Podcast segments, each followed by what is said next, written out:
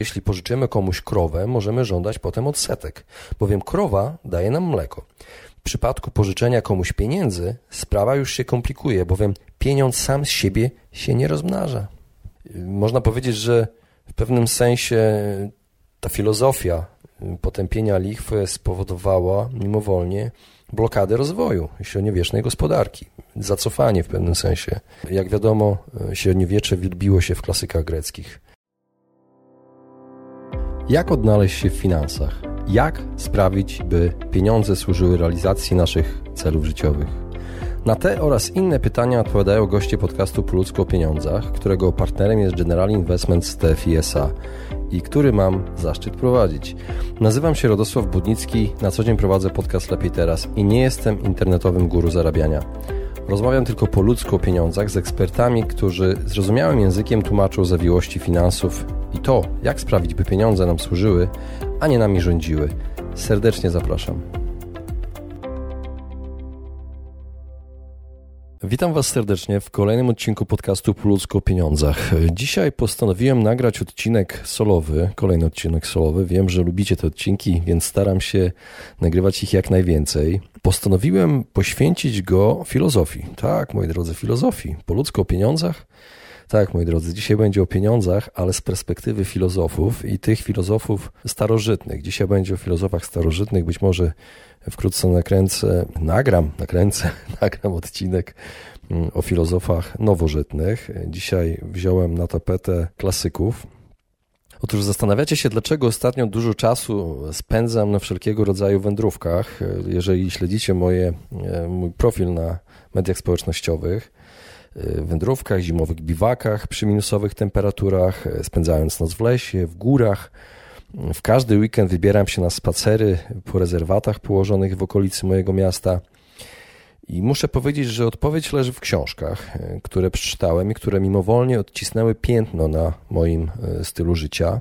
Otóż od czasów starożytnych do współczesności filozofowie, Nauczyciele religijni, moraliści wszelkiej maści wychwalali oszczędność i proste życie. Do mistrzów życia skromnego lub do życia w oszczędnej prostocie namawiali w starożytności tacy jak Sokrates, Platon, Arystoteles, Epikur, Seneca, Epiktet czy Marek Aureliusz. W czasach nowożytnych byli to Montaigne, Spinoza, Franklin, Rousseau, Thoreau, Nietzsche, Tolstoj czy Gandhi. I mędrcy ci oferowali imponujące argumenty na poparcie swoich poglądów, z których najważniejsze można sklasyfikować jako moralne, czyli te sprzyjające cnotliwemu życiu, dobremu życiu, moralnemu życiu, religijne, czyli proste życie przybliżające do Boga, czy roztropne. Dzięki takiemu zachowaniu będziesz bardziej szczęśliwy po prostu jak można by się spodziewać, e, są również bardzo krytyczni wobec luksusu i ekstrawagancji. E, ale czy na pewno? Postanowiłem trochę poszperać w książkach na ten temat i mam takie pytanie. Dlaczego tak wielu filozofów e, zidentyfikowało tak zwane dobre życie z prostym życiem? Dlaczego proste życie jest tak często kojarzone z mądrością? Czy ekstrawagancja, rozrzutność, pobłażliwość w luksusie powinny być postrzegane jako uchybienia moralne. Co oni na to? Zacznę może od Epikura, który był filozofem mającym śmiałe pomysły na uszczęśliwianie ludzi. Mieszkał na wsi, w dużym domu z ogrodem, z kilkunastoma innymi osobami, gdzie wszyscy mieszkali wspólnie i twierdził, że drogą do szczęścia jest umiar, silne przyjaźnie i filozofia. Uważał przyjemność za główne dobro w życiu, przyjaźń i rozmowę i wystarczające do szczęścia. Przyjemność jest początkiem i celem szczęśliwego życia. Zaletami prostego i mało kosztownego życia jest dobre zdrowie i stanie się nieustraszonym wobec igraszek losu. Trudne i mało kosztowne życie sprawia, że nie musimy się obawiać igraszek losu. Czyli takie trudne życie, czyli takie pełne przeciwności losu.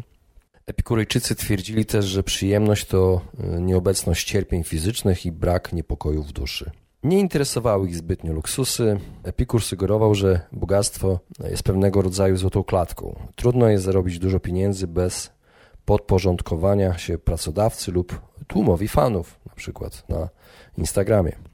Powiedział, jeśli chcesz wzbogacić Pytoklesa, nie dawaj mu więcej pieniędzy, raczej ogranicz jego pragnienia. Podobnie Sokrates wierzył, że nie można być szczęśliwym, jeśli brakuje cnoty moralnej. Jeśli człowiek jest dumny ze swojego bogactwa, nie należy go chwalić, dopóki nie wiadomo, w jaki sposób je wykorzystuje. Najbogatszy jest ten, kto jest zadowolony z niewielu rzeczy, bo jest zadowolony z bogactwa natury. Sokrates. No, wkrótce usłyszycie to zdanie w różnych formach i można powiedzieć, że powoli zbliżamy się do sedna tego podejścia filozoficznego do pieniędzy. Pogląd podobny do Sokratesa popierali Platon i Arystoteles, ale jednak trochę się to różniło między nimi. Platon jest głęboko nieufny wobec pieniędzy, luksusu, ekstrawagancji, które jak wierzy mają tendencję do zepsucia duszy. Opowiadał się e, ze skromnością w mieszkaniu, w odzieniu, jedzeniu, argumentował to, że prostota w tych sferach sprzyja czystości moralnej. I twierdził, uwaga, że największym bogactwem jest życie z małą ilością dóbr. E, spacerując po Atenach zagajał nieraz rozmowę, mówiąc bogactwo i nędza, jedno wyrabia zbytek, lenistwo i dążności wywrotowe, a drugie upadla i rodzi zbrodnie, oprócz dążności wywrotowych. Czyli ci, którzy e, już je mają, pracują mniej, koncentrują się na konsumpcji, zaś z biednych robią ludzi chciwych. Zaś jedni i drudzy mają myśli wywrotowe, tak twierdził. E, Platon dostrzegł ciekawe zjawisko, które obserwowano potem e, w następnych wiekach. Wytworzenie się takiej zamożnej elity, rozleniwionej w pewnym sensie, brakowało jej etosu pracy, chęci do rozwoju, Innymi słowy, najbogatsi byli coraz bardziej rozleniwieni i nie mieli ochoty jakiegokolwiek rozwoju. Ten filozof też, mam na myśli Platona, patrzył też e, z podejrzliwością na ideę pieniądza kruszcowego. Uważał, że złoto to tylko środek gromadzenia bogactw w rękach klas niższych i źródło zepsucia moralnego. Nie był jednak utopijnym komunistą, jak można by e, z tego wywnioskować, bynajmniej. Postulował bowiem, by złoto zastąpić tak zwanym znakiem służącym do wymiany. Czy miał na myśli wynalazek Chińczyków, papierowe pieniądze? Nie wiem. Moi drodzy, Arystoteles, uczeń Platona, słynny nauczyciel Aleksandra Wielkiego, który podbił większość ówczesnie znanego świata. Arystoteles uważał, że pieniądz jest czymś potrzebnym i użytecznym światu. I on z kolei szczerze przyznaje, że bogactwo pomaga nam dobrze żyć. Ważne jest to, czy używa się go mądrze. Cnotą związaną z korzystaniem z bogactwa jest hojność. Podobnie jak inne cnoty, leży między dwiema skrajnościami. Na przykład osoba, której brakuje hojności jest nieszczodra. Jednak nadmierna hojność jest już marnotrawstwem. Arystoteles powiedział kiedyś, niekiedy jednak spotyka się mniemanie, że pieniądz to tylko czcze słowo, że wartość jego jest tylko na postanowieniu oparta. Z natury zaś żadna, bo jeśli go zmienią ci, którzy go używają, to traci wartość i nie można go użyć do zaspokojenia potrzeb. Pisząc to, przywoływał jako przykład mit o królu Midasie, który co prawda zmieniał wszystko, co dotknął w złoto, ale przez ten swój dar niemal zmarł z głodu. W innym dziele z kolei Arystoteles dodał: Pieniądz stał się umownym środkiem zastępującym potrzebę i dlatego nazywa się nomizma, ponieważ jest czymś nieprzyrodzonym, lecz ustanowionym przez prawo i w naszej mocy leży zmienić go i uczynić bezużytecznym. Mówi się często, że to właśnie z myślenia, e, z tych poglądów Arystotelesa wyrosło w późniejszym chrześcijańskim, średniowiecznej Europie e, potępienie lichwy. Jego słowa brzmiały tak: Uważał on, że jeśli pożyczymy komuś krowę, możemy żądać potem odsetek, bowiem krowa daje nam mleko. W przypadku pożyczenia komuś pieniędzy sprawa już się komplikuje, bowiem pieniądz sam z siebie się nie rozmnaża. Można powiedzieć, że w pewnym sensie ta filozofia potępienia lichwy spowodowała mimowolnie blokadę rozwoju średniowiecznej gospodarki, zacofanie w pewnym sensie. Jak wiadomo, średniowiecze wielbiło się w klasykach greckich. No i zablokowano, potępiano lokaty, pożyczki, odsetki, Cóż, Arystoteles postrzegał pieniądze jedynie jako narzędzie do promowania innych celów. Otwarcie mówił o tym, że dobre życie wymaga posiadania ich sporej pieniędzy, jednak z pozycji na jego liście cnót potrzebnych do pełnego życia jest wspaniałość, która polega na przekazywaniu dużych sum na cele charytatywne. Wspaniałość oznacza bycie hojnym. No i podobnie jak poprzedni filozofowie, ostrzegał, że przed życiem poświęconym pogoni za pieniędzmi, ponieważ jest to życie spędzone na pogoni za czymś, co jest pożyteczne do innego celu, bez osiągnięcia tego celu. No a teraz przejdę do bardziej skrajnych e, filozofów, do tych najbardziej ekstremalnych, promujących skromne i proste życie e, należeli cynicy, innymi słynny Diogenes, cynik, e, często przedstawiany jako człowiek żyjący w beczce bez odzienia lub w bardzo skromnym odzieniu. W swoich bardziej dekadenckim okresie spał właśnie w swoich szatach, jadł i wałęsał się gdzie chciał, Robił też jeszcze gorsze rzeczy, o których nie przytoczę tutaj, możecie doczytać. Praktykował oszczędność, która wykraczała poza radykalizm mnicha, można tak to nazwać. Na przykład, po zobaczeniu, jak dziecko pije wodę rękoma, Diogenes wyrzucił swoją jedyną miskę. Zdenerwowany, że dziecko uprościło nawet to. Był uważany za osobę dość ekscentryczną, jak na swoje czasy, nawet jak na swoje czasy. Dzisiaj pewnie myślano by o nim jako osobie chorej psychicznie. Przejdźmy dalej. Stoicy. Stoicy z kolei nie zgadzali się z tak ekstremalnym podejściem do skromnego, oszczędnego życia. Twórca stoicyzmu, między innymi Zenon Scition, był przerażony tym, co cynicy wyprawiali. Seneca, jako najbogatszy w historii, można powiedzieć, przedstawiciel stoicyzmu, nie władca, tylko bogaty człowiek, najbogatszy człowiek w Imperium Rzymskim. Marek Aureliusz, słynny też filozof stoicki, był cesarzem Imperium Rzymskiego.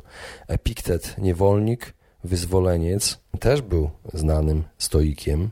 I on zarabiał pieniądze, zarabiał pieniądze na wykładach. To nie byli ludzie, którzy żyli skromnie i promowali skromne życie. Jednak jedna rzecz ich łączyła. Oni wszyscy twierdzili, że bogactwo nie polega na posiadaniu wielkich majątności, ale na posiadaniu niewielu potrzeb. Każdego z nich można zacytować bardzo podobnie brzmiącym zdaniem. Y, Katon, słynny rzymski senator, żyjący ponad 2000 lat temu, odziedziczył pokaźną fortunę i mógł pozwolić sobie na bardziej wystawny styl życia. Był uważany za jednego ze słynnych prekursorów stoicyzmu w cesarstwie rzymskim wśród elity politycznej. Y, ze względu na swoje stoickie skłonności jadł tylko tyle, ile potrzebował, poddawał się wszelkiego rodzaju ćwiczeniom wytrzymałościowym. Był znanym mówcą, ale w dyskusjach potrafił milczeć i uważnie słuchać. Był znany z tego, że z podniesioną głową znosił chorobę, nie rozczulał się nad sobą. Często był widziany w Rzymie boso, skąpo ubrany, czy to zimą, czy w deszczu. Mógł nosić drogie ubrania, a mimo to wyruszał na ulicę wyglądając skromnie. Mówi się, że robił to specjalnie, tak wystawiał się na te szyderstwa przechodniów, by pokazać, że można się nauczyć znacznie więcej o życiu, będąc wyśmiewanym i ignorowanym. Słynny mówca rzymski, e, senator, prawnik i stojący w opozycji do Cezara filozof Marek Tulliusz Cyceron mawiał, że oszczędność obejmuje wszystkie inne cnoty. Powiedział też zdanie tak ważne dziś, a szczególnie w obecnym momencie wojny na Ukrainie i wprowadzonych sankcji. Miejmy nadzieję, że te słowa zamienią się w rzeczywistość. Nic nie jest na tyle bezpieczne, by pieniądze tego nie pokonały. Lub też nie ma tak silnej twierdzy, by pieniądze jej nie pokonały. Więc trzymamy kciuki za Ukrainę. Miejmy nadzieję, że sankcje zadziałają. Jonas Salzberger, autor Małej Księgi Stoicyzmu, radzi z kolei, by celowo zrezygnować z przyjemności. Zrezygnuj z możliwości zjedzenia ciasteczka nie dlatego, że jest niezdrowe, ale dlatego, że chcesz poprawić swoją samokontrolę i doświadczyć pewnego dyskomfortu. Zrezygnuj z oglądania meczu ulubionej drużyny sportowej. Nie wydawaj pieniędzy na drogi bilet zrezygnuj z wyjścia na imprezę, z drogiego wyjścia na koncert, zostań w domu, poczytaj książkę. Nie pacyfikuj swojego galopu myśli lub niepokoju spędzaniem czasu w galeriach handlowych, gdzie z pewnością wpadniesz pułapkę wydawania pieniędzy. Zamiast tego idź na spacer na łonie natury, wycisz zmysły, podychaj świeżym powietrzem, spalisz zbędne kalorie i na pewno wrócisz z pełnym portfelem. Zamiast wydawać pieniądze na dalekie podróże, odkrywaj cudowne miejsca w okolicy. Nawet nie zdajesz sobie sprawy, jakie skarby można odnaleźć, przystając na chwilę i ciesząc się chwilą. Zwiedzając stary kościółek w okolicy lub piękny zagajnik. Wystarczy wziąć wygodne buty, plecak i butelkę wody. W trakcie chwil, momentów, lat, kiedy masz przypływ gotówki, niespodziewany przypływ gotówki, odkładaj jej część na poduszkę finansową, przygotować się na trudniejsze czasy. Pamiętaj, co mówi Epiktet. Musisz przejść ciężki, zimowy trening, by stać się tym, kim chcesz być. Trenuj teraz, gdy jest jeszcze łatwo, a będziesz przygotowany na trudne chwile. Marek Aureliusz urodził się w Rzymie, w znanej arystokratycznej rodzinie w Hiszpanii. W wieku 11 lat odkrył stoicyzm. Mając dwadzieścia kilka lat, porzucił studia filozoficzne, inne studia filozoficzne został stoikiem. Zaczął ubierać się skromnie i postępować zgodnie z tym, co uważał za surowe stoickie reżimy nauki, samozaparcia, bycia oszczędnym. Po śmierci swojego wuja, cesarza Antoniusza Piusa, który go adoptował, w wieku 40 lat Marek wraz ze swoim niekompetentnym bratem Lucjuszem został cesarzem Imperium Rzymskiego. To Antoninus pokazał Markowi za życia, że fortuna jest kapryśna. Nauczył go już za młodu spartańskiego podejścia do pieniędzy. Marek zauważył, że Antoninus, cytuję, spożywa oszczędne posiłki i zmniejsza przepych podczas uroczystości państwowych do republikańskiej prostoty. Marek Aurelius sprzedał wiele elementów, już będąc cesarzem, e, wiele elementów wyposażenia pałacowego, by spłacić dług swojego imperium. Nie potrzebował luksusów jak inni poprzednicy, ponieważ te luksusy obciążały jego i jego lud. Im więcej rzeczy pragniemy, im więcej musimy zarobić, aby je zdobyć lub utrzymać te rzeczy, tym mniej faktycznie cieszymy się naszym życiem, tym mniej jesteśmy wolni. Oszczędność, przedsiębiorczość są jedynym sposobem na zagwarantowanie bezpieczeństwa i spokoju. Marek mawiał samowystarczalność zawsze. Twierdził też, że zbyt wiele rzeczy w życiu robimy na pokaz, by komuś zaimponować, a to często wiele kosztuje. Jak pisał w swoich rozmyślaniach, aplauzy, uznania i tytuły są nietrwałe i zbędne. Iluż to ludzi, którzy stali się bardzo opiewanymi, uległo już zapomnieniu, a iluż to od dawna zniknęło, którzy tamtych opiewali. Najbardziej kontrowersyjny według mnie był jednak Seneca, jako filozof stoicki był jednym z najbogatszych, był najbogatszym człowiekiem w Rzymie za czasów Nerona i cesarza Klaudiusza. Seneca chciał tylko korzystać z bogactwa. Był jego panem, a nie jego niewolnikiem. Twierdził, musimy stale sprawdzać, czy jesteśmy tak uwięzieni przez te dary szczęścia, że boimy się je stracić i dlatego zamieniamy je w naszego pana. Jak pisał w swoim traktacie o szczęśliwym życiu, omawiając swoje bogactwa, bo mądry człowiek nie uważa się za nie, niegodnego żadnych darów z rąk fortuny. Nie kocha bogactwa, ale wolałby je mieć. Nie wpuszcza do swojego serca, ale do swojego domu. A jakie bogactwo posiada, nie odrzuca, ale je zatrzymuje, pragnąc, aby dało mu większe możliwości praktykowania swojej cnoty. Jak podsumował swoją postawę bycia panem, a nie niewolnikiem szczęścia, bo mędrzec uważa bogactwo za niewolnika, głupiec uważa bogactwo za pana. Są też wersje gdzie powiedział słowa: Pieniądz powinien być Twoim sługą, a nie Twoim panem. Czyli maksyma, którą często możecie usłyszeć w audycjach po ludzku o pieniądzach, do których słuchania Was wszystkich serdecznie zapraszam za tydzień. Do usłyszenia. Właśnie wysłuchaliście podcastu Po ludzku o pieniądzach. Mam nadzieję, że Wam się podobało. Jeśli tak, poświęćcie swój czas, proszę pozostawić swoją recenzję na Apple Podcast. Jeżeli macie pytania lub propozycje dotyczące kolejnych audycji, piszcie do mnie na fanpage'u Po ludzku o pieniądzach i do usłyszenia następnym razem. Pozdrawiam serdecznie.